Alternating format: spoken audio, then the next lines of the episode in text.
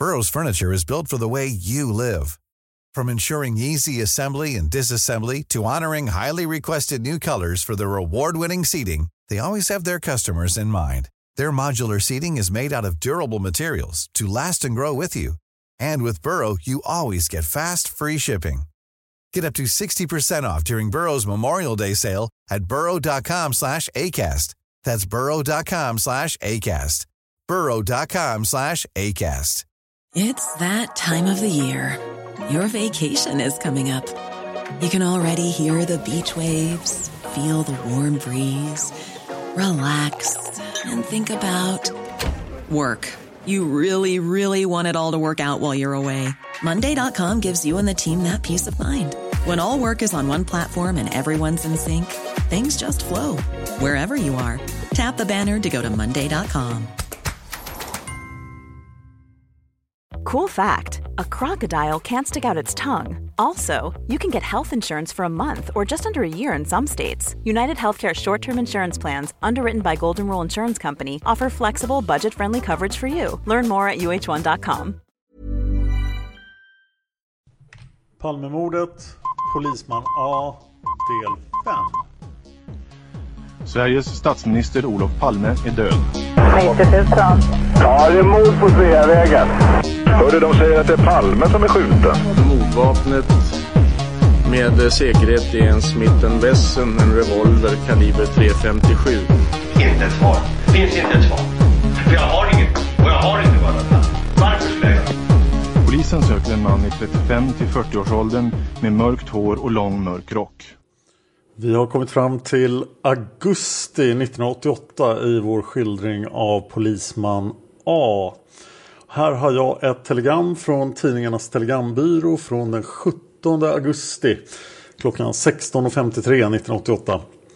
Utredningen om mordet på Olof Palme har hittills kostat polisen nära 20 miljoner kronor.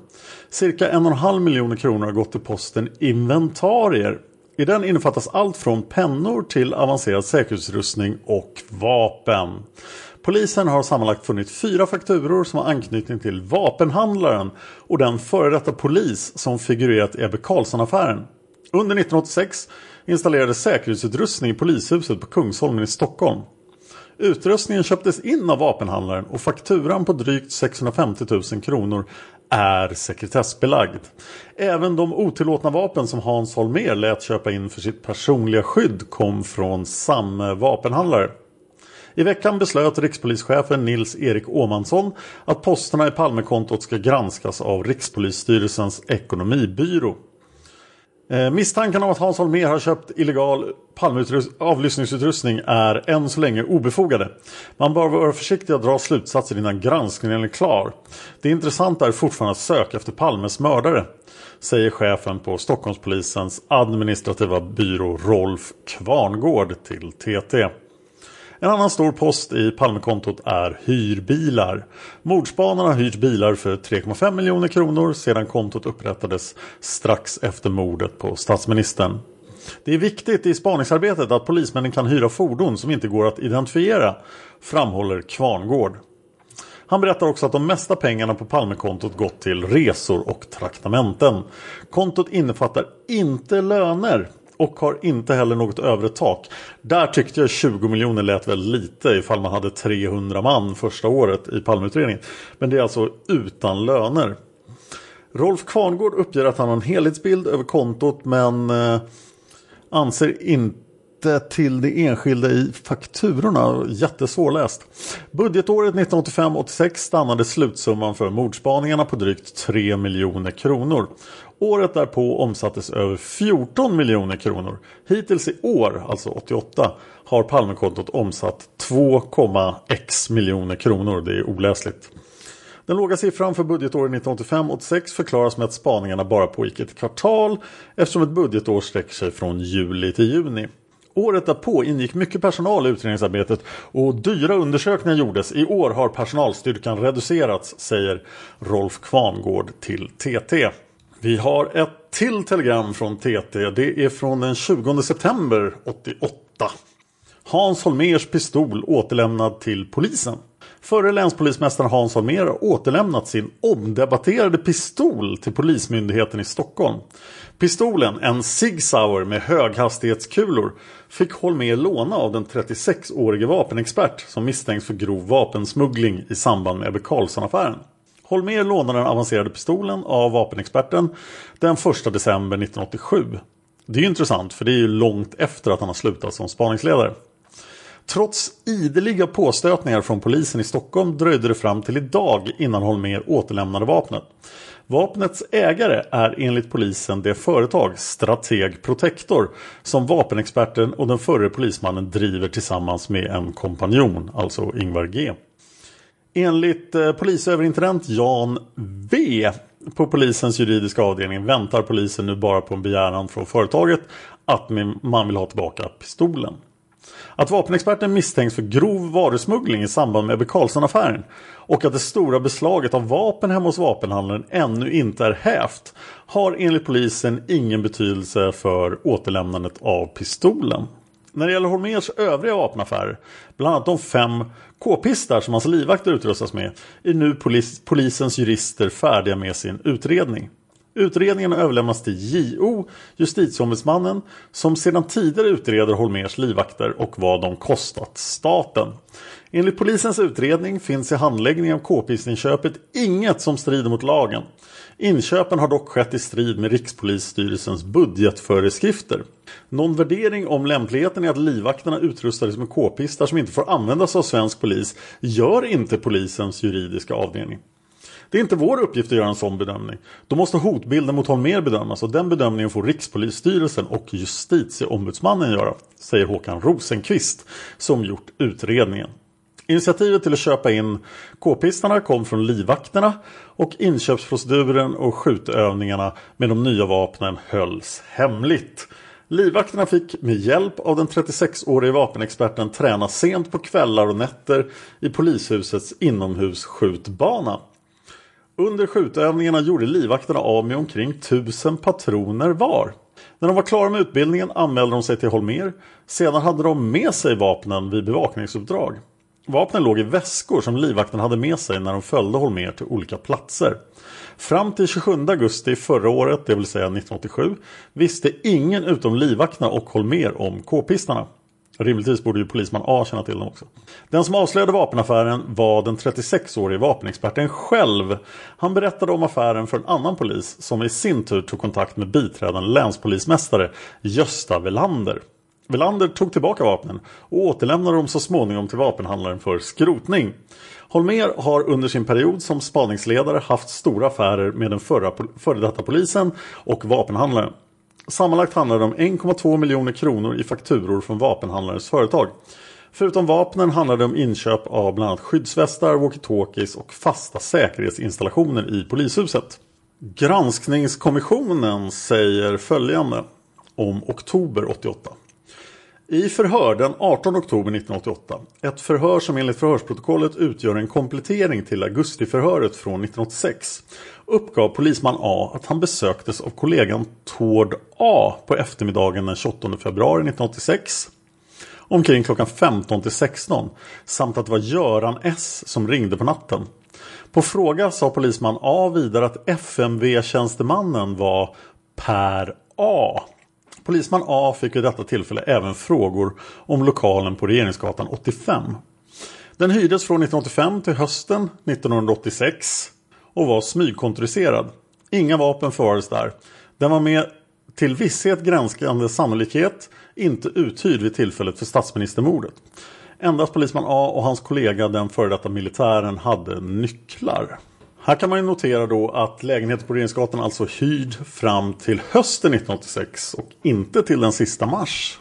Olle Minell på Proletären är med rätta missnöjd med det här protokollet. Och Olle Minell skriver Den 17 oktober 1988, tre månader efter att tipsen inkommit tas äntligen polisman A inför ett nytt förhör. Ett sista förhör ska det visa sig. Hörs han om de två ovannämnda tipsen? Vi tog upp dem i förra avsnittet. Nej, nej, nej, vad kunde vi förvänta oss? Men låt oss se vad som avhandlas enligt det förhörsprotokoll som jag har fått ut, alltså Olle Minell. Förhöret hålls av kriminalinspektör Åke Röst och det med anledning av i utredningen lämnade sakuppgifter samt kompletteringsförhör med anledning av tidigare hållna förhöret från den 19 augusti 1986 som ni kunde höra i del 2 av den här serien. Olle Minell fortsätter. Vad frågar då Åke Röst om? Jo, 1. Om vad polisman A gjorde på mordnatten. 2. Om lägenheten som han tillfälligt hyrt vid David Bagares gata, Regeringsgatan oktober 1985 till mars 1986. Vilken direkt ligger i mördarens förmodade flyktväg. Alltså, han frågar ingenting om VD1-kollegans tips om att polisman A vet vem Palmes mördare är. Han frågar ingenting om att en taxichaufför plockar upp polisman A 4-5 minuter efter mordet direkt i mördarens flyktväg. Olle Minell träffar Åke Röst i december 2012 och påtalar bristen i det här förhöret. Och eh, frågar Åke Röst om Åke inte kände till de två inkomna tipsen. Åke Röst svarar då Jag kommer inte ihåg direkt. Du säger att du har fått ut alla förhör med polisman A, men hur vet du det? Jag hade bara hand om förhören med polisman A som hade att göra med mördarens flyktväg. Och, och, och Olle Minell svarar ja, men taxichaufförens tips ligger ju där direkt i mördarens flyktväg. Åke Röst svarar du har en poäng där men jag kan inte säga mer för jag lyder under sekretess även om jag gått i pension och slutat i Palmeutredningen. Olle Minell fortsätter. Åke Röst minst sagt slirar i sin förklaring. Att veta om man känt till tipsen eller inte är svårt att få grepp om.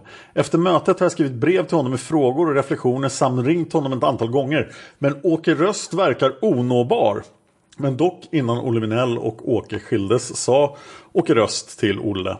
Om du vill veta om du har fått ut alla handlingar vad gäller polisman A så begär att få ut handlingar från Palmeutredningen om det hållits några konkreta förhör med polisman A angående tipsen och poliskollegan på VD1. Och det har Olle Minell gjort. Och han fick ett svar. Svaret lyder Hos Rikspolisstyrelsen finns inte de efterfrågade handlingar som du frågar efter. Olle Minell fortsätter. Och här ser vi nu bevisligen svart på vitt hur en viktig del i det så kallade polisspåret har sopats under mattan och mörklagts. Ingen taxichaufför, ingen poliskollega, svart på vitt. Men bara några veckor efter Åke Rösts förhör med polisman A så grips dock en gärningsman för mordet på Olof Palme. Är det polisman A? frågar Olle Minell. Nej, det är Christer Pettersson. Men eftersom då Olle Minell fick ut det här förhöret och det kanske andra har fått ut innan så har även jag kommit över förhöret.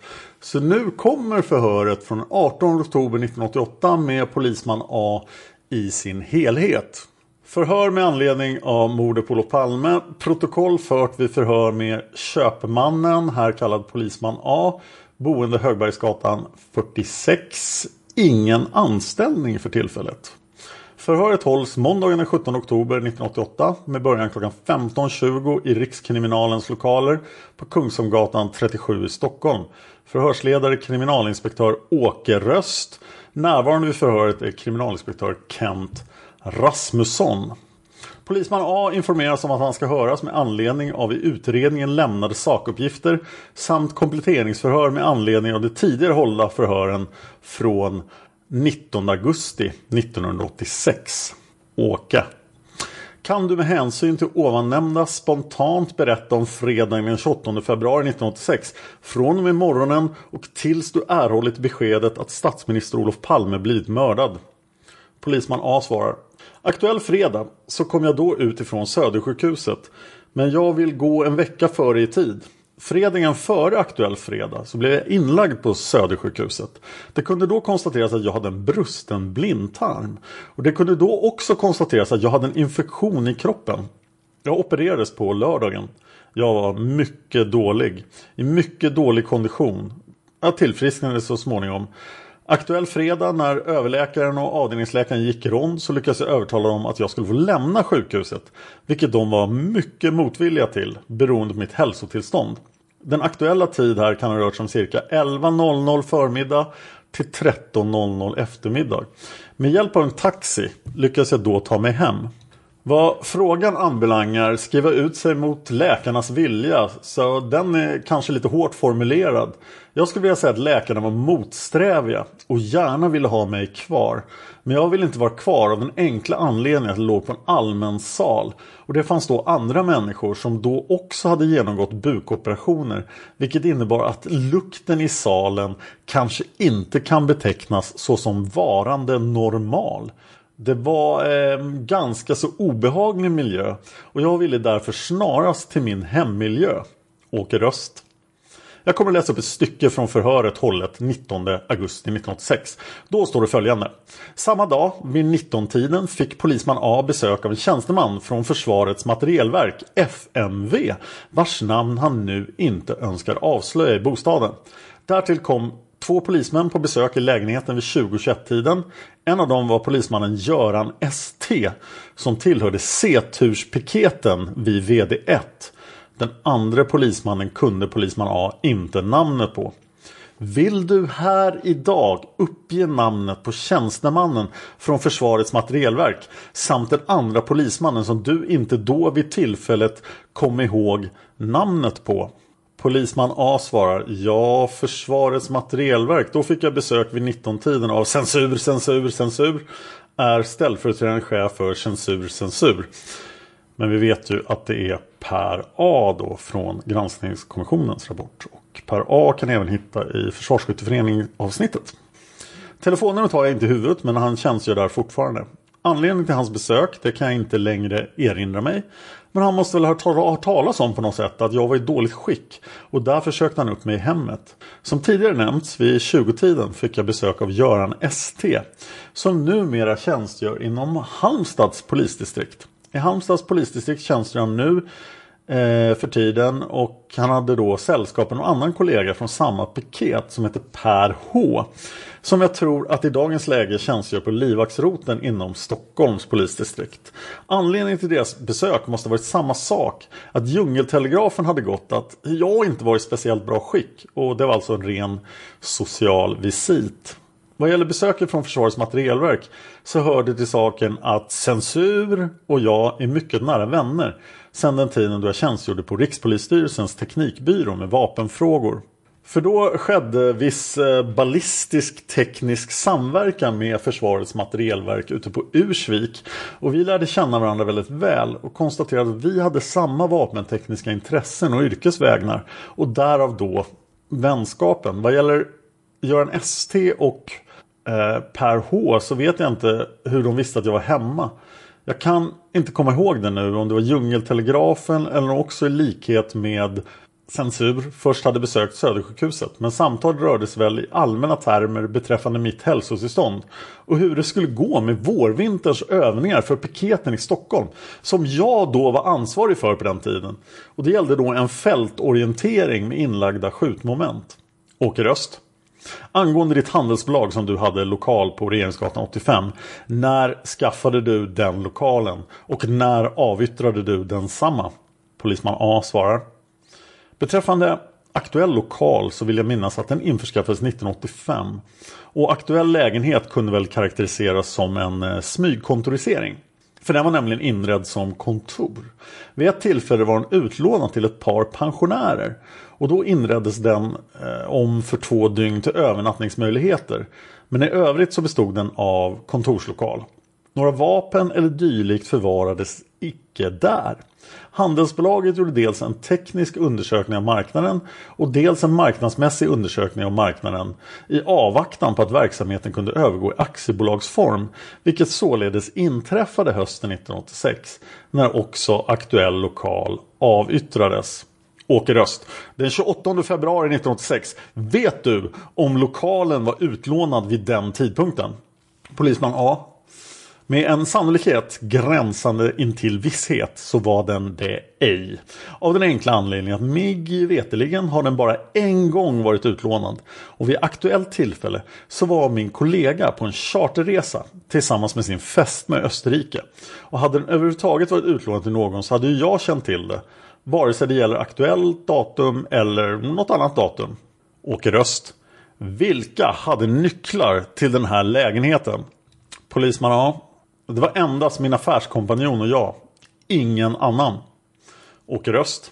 Och du vet med 100% att ingen hade lånat den här lägenheten eller bostaden vid aktuellt tillfälle. Polisman A. Ja, jag säger med sannolikhet gränsande till visshet för att jag kunde inte förflytta mig själv. Så att jag var inte där själv. Men det är för mig en omöjlighet att den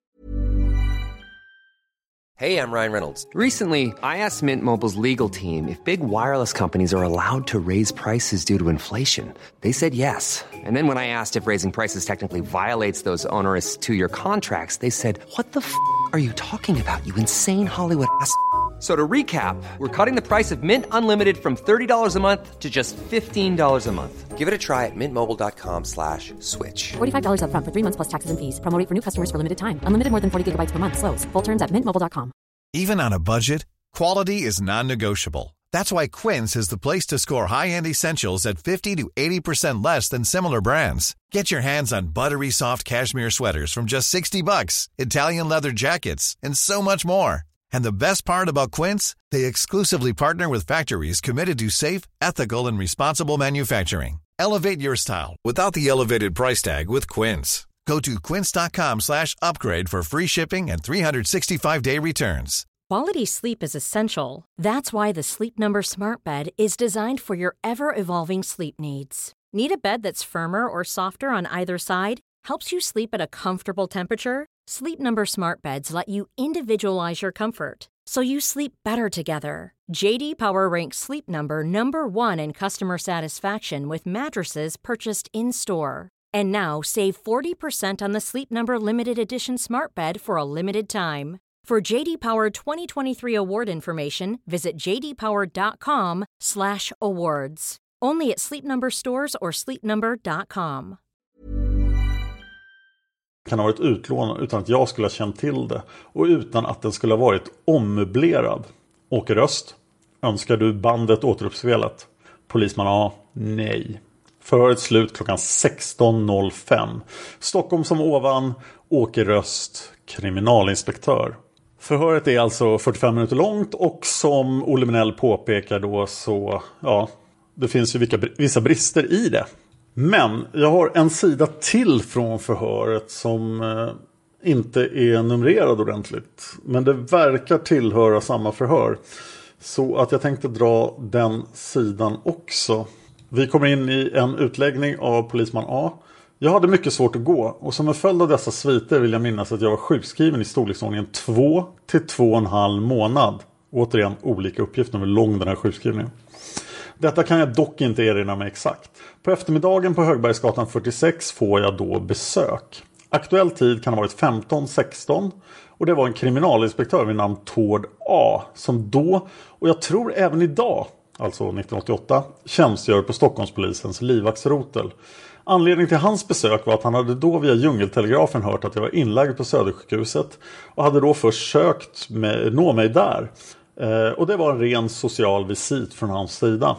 På kvällen ungefär vid 20-tiden fick jag besök av polisassistent Göran ST som hade jobbat som instruktör för mig på den tiden det begav sig. Och han hade sällskap med en annan kollega tjänstgörande i samma paket som jag tyvärr inte kan komma ihåg namnet på. Eh, dock tog han tjänstgöra i livvaktsroten i dagens läge. Tiden är jag ganska säker på med anledning av att killarna skulle gå på klockan 21. Även deras besök var av ren social natur eftersom de hade hört om min sjuk mitt sjukdomstillstånd. Sedermera på natten, det kan ha rört sig om storleksordningen midnatt, en halvtimme efter midnatt. Då ringde telefonen. Och det var då Göran ST som via 80-systemet ringde upp mig i min bostad. Och då omtalade vad som hade inträffat på Sveavägen. Efter detta så knäppte jag på radion och fick då bekräftat att statsminister Olof Palme hade blivit mördad. Slut på berättelsen. Förhörsledaren. När du ligger på Södersjukhuset, vilka besöker dig då och varför skriver du ut dig den 28 februari 1986 mot läkarnas vilja? Polisman A. Ja, detta är väldigt svårt att memorera vilka alla var som besökte mig. Men då om uttrycket tillåts en drös poliser. Poliskommissarie Jerry E besökte mig exempelvis. Polisinspektör Lars B med piketgrupp. Polisinspektör Bengt D med piketgrupp. Och sen kan det ha rört sig om ett antal piketgrupper till. Anledningen för deras besök det är svårt att spekulera i. Men jag förmodar att det var av ren vänlighet och omtanke om min person. Eftersom vi var kollegor och goda vänner. Olle Minell fortsätter sin utläggning om oktober 88 på följande sätt. Ännu senare, först i slutet av oktober 1988, hörs polisman A's kollega från Norrmalmspolisen VD1 om transporten till den amerikanska ambassaden av alla ställen. Enligt det förhörsprotokoll jag fått ut görs det i en bil ute i en park för VD1-kollegan är fortfarande rädd. Han vill inte förhöras inne på polishuset och inte förknippas med Palmeutredningen och han vidhåller sina uppgifter om att paret polisman A och polisman B vet vem Palmes mördare är. Och här har vi ännu en uppgift från eh, granskningskommissionen. GRK skriver Säpo om polisman A. Här återges de åtgärder som återspeglas i Palmeutredningens material. Det finns även en akt över polisman A hos Säkerhetspolisen. Den innehåller en del senare handlingar angående polisman A's vapenhandel och uppgifter om förhållandena vid Televerket Radio. Där polisman A under juni till december 1986 var säkerhetschef. Det synes ha förekommit misstankar om att polisman A tog egna provisioner i samband med upphandling och andra liknande oegentligheter. Men inget i handlingarna bestyrker misstankarna. I akten finns även handlingar som berör Palmeutredningens intresse för A. När innehållet i dessa handlingar tillför informationen i Palmeutredningsmaterialet har något av intresse har detta anmärkts. Och då under hösten 1988 innan konfrontation med Christer Pettersson i december informeras familjen Palme om att polisen nu utreder en jugoslav, en smugglare och en alkoholist. Lars Borgnäs leder tankarna till att smugglaren är polisman A. Hans Ölvebro bekräftar att det fanns misstankar mot polisman A vid den här tiden men att polisen valde att gå vidare med Christer Pettersson. Men så här skriver Gunnar Wall i sin bok Mörkläggning på sid 782. Till en början var träffarna med Lisbeth Palme eh, av allt att döma ganska trevande sammankomster. Men allt tog fart i den medvind åklagarna kände efter Ebbe Carlsson-affären. I oktober 1988 berättade Jörgen Almblad för Lisbeth och hennes äldste son Joakim om flera olika misstänkta som tilldrog sig utredarnas intresse. I hovrättsförhandlingarna i Pettersson-målet berättade Joakims bror Mårten om vad han hört om denna rapport från Almblad. Det hade framgått att spaningarna riktar in sig på tre eller fyra olika personer. Citat Mårten Palme. Det var någon som, ja det var någon jugoslav tror jag. Och en annan som hade begått, det var två som hade begått mord. Nej, alla hade nog begått mord innan, även den här jugoslaven. Och så var det en smugglare tror jag av något slag. Och så var det en som var bosatt i Sollentuna då och var alkoholist. Den sistnämnde var givetvis Christer Pettersson. Och det här tycks vara första gången Lisbeth Palme blev uppmärksammad på honom. Men de andra då? Var de också hämtade från den prioriterade miljön? Kretsen kring spelklubben Oxen? Kanske en av dem i alla fall. Vi påminner oss den beryktade våldsbrottslingen K. Som i olika sammanhang intresserat Palmeutredarna. K var visserligen före detta albansk medborgare men hade levt i just Jugoslavien innan han kom till Sverige. Kan han ha varit jugoslaven? Gunnar Wall fortsätter. Smugglaren då? Vi återkommer till honom. Vid den här tidpunkten laborerade nämligen utredarna fortfarande i begränsad utsträckning med spår som gick i en annan riktning än den ensamme kriminelle gärningsmannen. Och mycket pekar på att smugglaren kan ha varit ett sådant alternativt spår. Mårten hade fått intrycket att Almblad var ensam närvarande åklagare vid den här träffen med Lisbeth och Joakim. Är det riktigt? Ja. Under den här tiden hade Ribedal också andra uppgifter hos riksåklagaren och sysslade bara med Palmemordsutredningen på deltid. Hon förklarade i en tv-utfrågning att hon inte alls kunde påminna sig om hon deltagit med någon information eh, med Lisbeth Palme som berört en smugglare. I efterhand kunde hon inte ens komma på vad det var för någon misstänkt person som skulle ha åsyftats. Mårten hade då alltså troligen rätt i att Jörgen Almblad var ensam åklagare. Emellertid förklarade Riberdal, när hon själv kallades att vittna i Pettersson-målet i hovrätten, att hon faktiskt varit med vid något tillfälle under hösten när Lisbeth Palme fått veta att åklagarna misstänkte en person som var dömd för våldsbrott tidigare och som bodde i norrförort, det vill säga Christer Pettersson. Och observera Mårten Palmes uppgift då att eh, de alla var dömda för mord tidigare. Så att det här tycker jag verkar antyda att smugglaren som avses inte är polisman A som då absolut inte var dömd för mord. Och vi går nu över till 1989. Ända fram till juni 1989 och jag läser återigen från Mörkläggning av Gunnar Wall. Åtalet i smuggelaffären kommer i juni 89. Polisman A åtalas för grov varusmuggling respektive försök till grov varusmuggling. Eh, per J åtalas för varusmuggling. Per J och polisman A som olovligt fört ut pengar ur landet åtalas dessutom för grovt valutabrott. Polisman A åtalas slutligen för olaga vapeninnehav sedan tullkriminalen i samband med husrannsakan hittat skjutvapen, ljuddämpare och tårgasspray som han saknat licenser för. Förhandlingarna hålls i maj 91. Ordförande i målet är chefen för Stockholms tingsrätt, lagman Karl Anton Spak. Ebbe Karlsson har hittills lyckats dölja för offentligheten att han är aidssjuk. Men när han infinner sig första rättegångsdagen är det klart för var och en som ser honom att någonting är fel. Ebbe är mager och tärd, går knappt att känna igen. Kostymen hänger så löst på hans tunna kropp som han har ärvt den av någon annan. Det blir en märklig rättegång. Den åtalade brottsligheten, smugglingen, är ju egentligen bara en liten trådända i en mycket större väv. Ansvaret för att presentera ärendet för rätten faller i första hand för på åklagarna.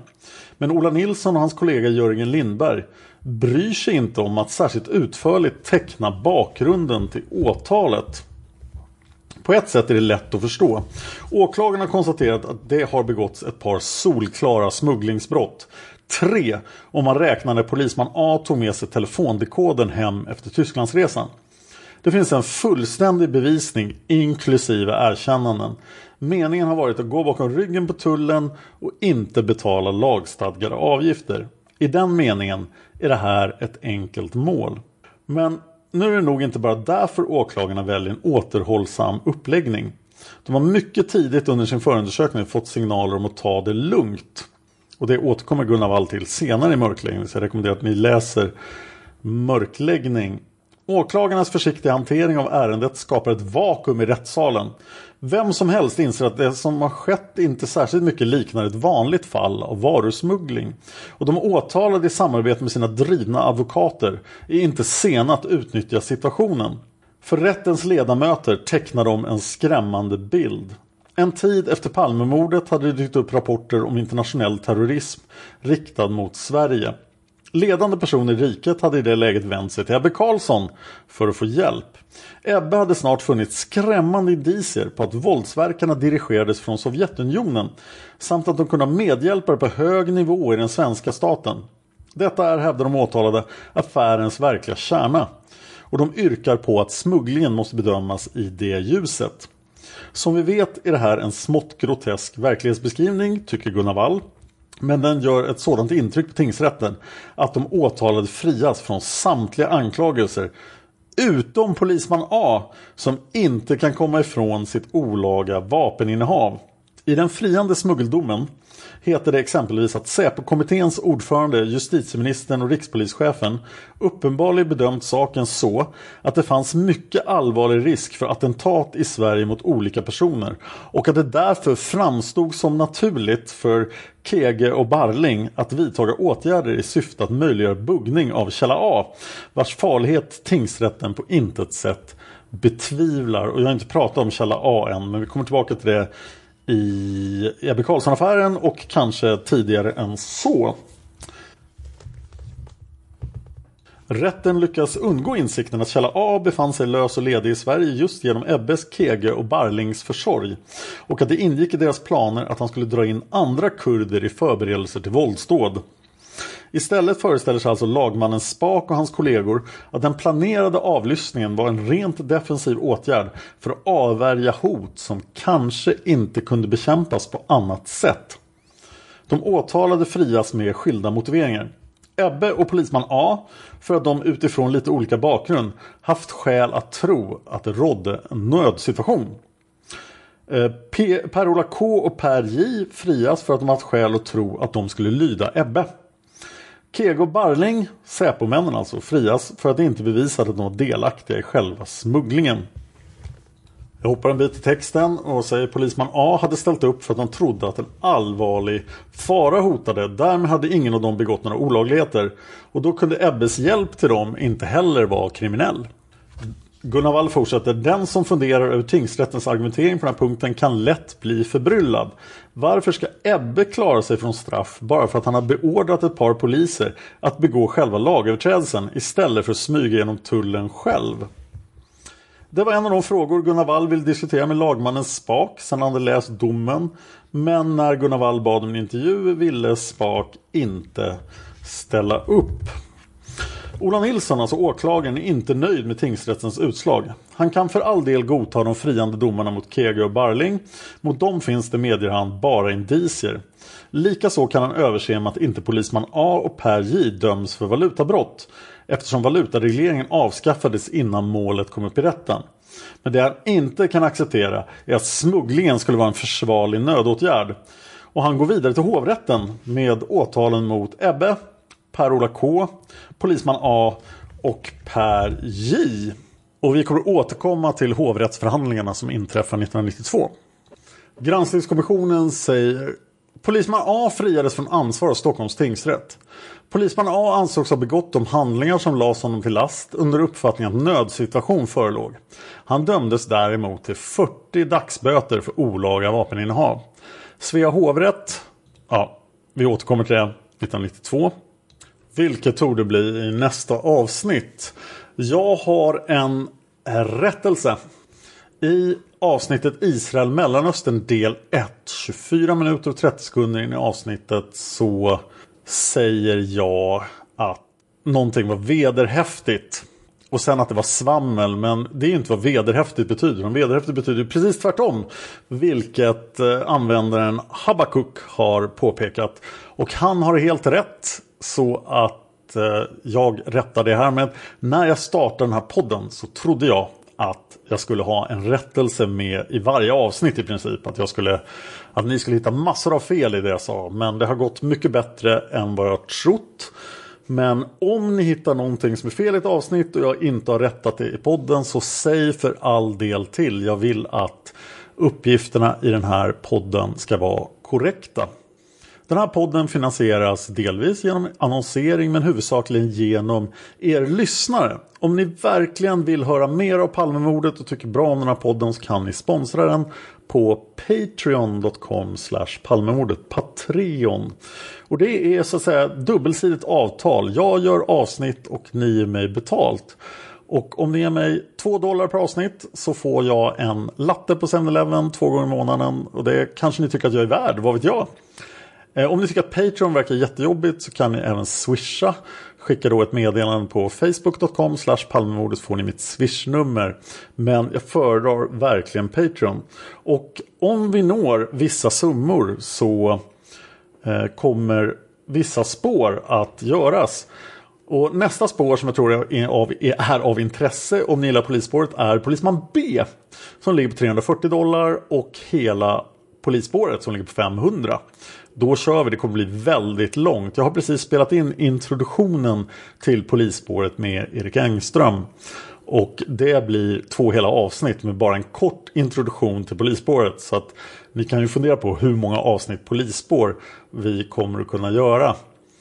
Eh, Palmemordet finns på Facebook som jag sa. Palmemordet finns också på Youtube. Där finns lite extra filmer från mordplatser med omgivningar. Ni kan även kontakta mig på i Youtube-kommentarerna. Om ni vill se någonting speciellt i närheten av mordplatsen. För jag har fortfarande och under en begränsad period förmånen att bo i närheten av hörnet Sveavägen Tunnelgatan. Så att om ni vill att jag ska gå dit och filma någonting speciellt så, och jag klarar av att göra det själv eller kanske med Erik så säg till. Jag finns på Twitter som Dan Horning. Jag finns på Youtube och Facebook också som Dan Hörning. finns officiella sidor och en officiell kanal som ni gärna får kolla in. Jag gör ett antal andra podcasts. Och idag vill jag prata om att jag är en nörd. Ja, ni vet ju redan att jag är en Palmenörd. Men jag har även snöat in på andra ämnen och tillsammans med Anna Erlandsson så gör jag en podd som heter Hard Nerd Café. Så Nörd med E. Hard Nerd Café finns på Youtube och på Android-plattformar. Men inte idag på iTunes. För jag håller på att experimentera med om iTunes tillhör det förflutna. Så att har ni Apple-plattform så kolla på Youtube. Eh, Hard Nerd Café, den här veckans podcastrekommendation. Tack för att ni lyssnar på Palmemordet. Man hittar Palmes mördare om man följer PKK-spåret till botten. Därför att ända sedan Julius Caesars tid har jag aldrig hört talas om ett mord på en framstående politiker som inte haft politiska skäl. Polisens och åklagarens teori var att han ensam hade skjutit Olof Palme. Och det ledde också till rättegång. Men han frikändes i hovrätten.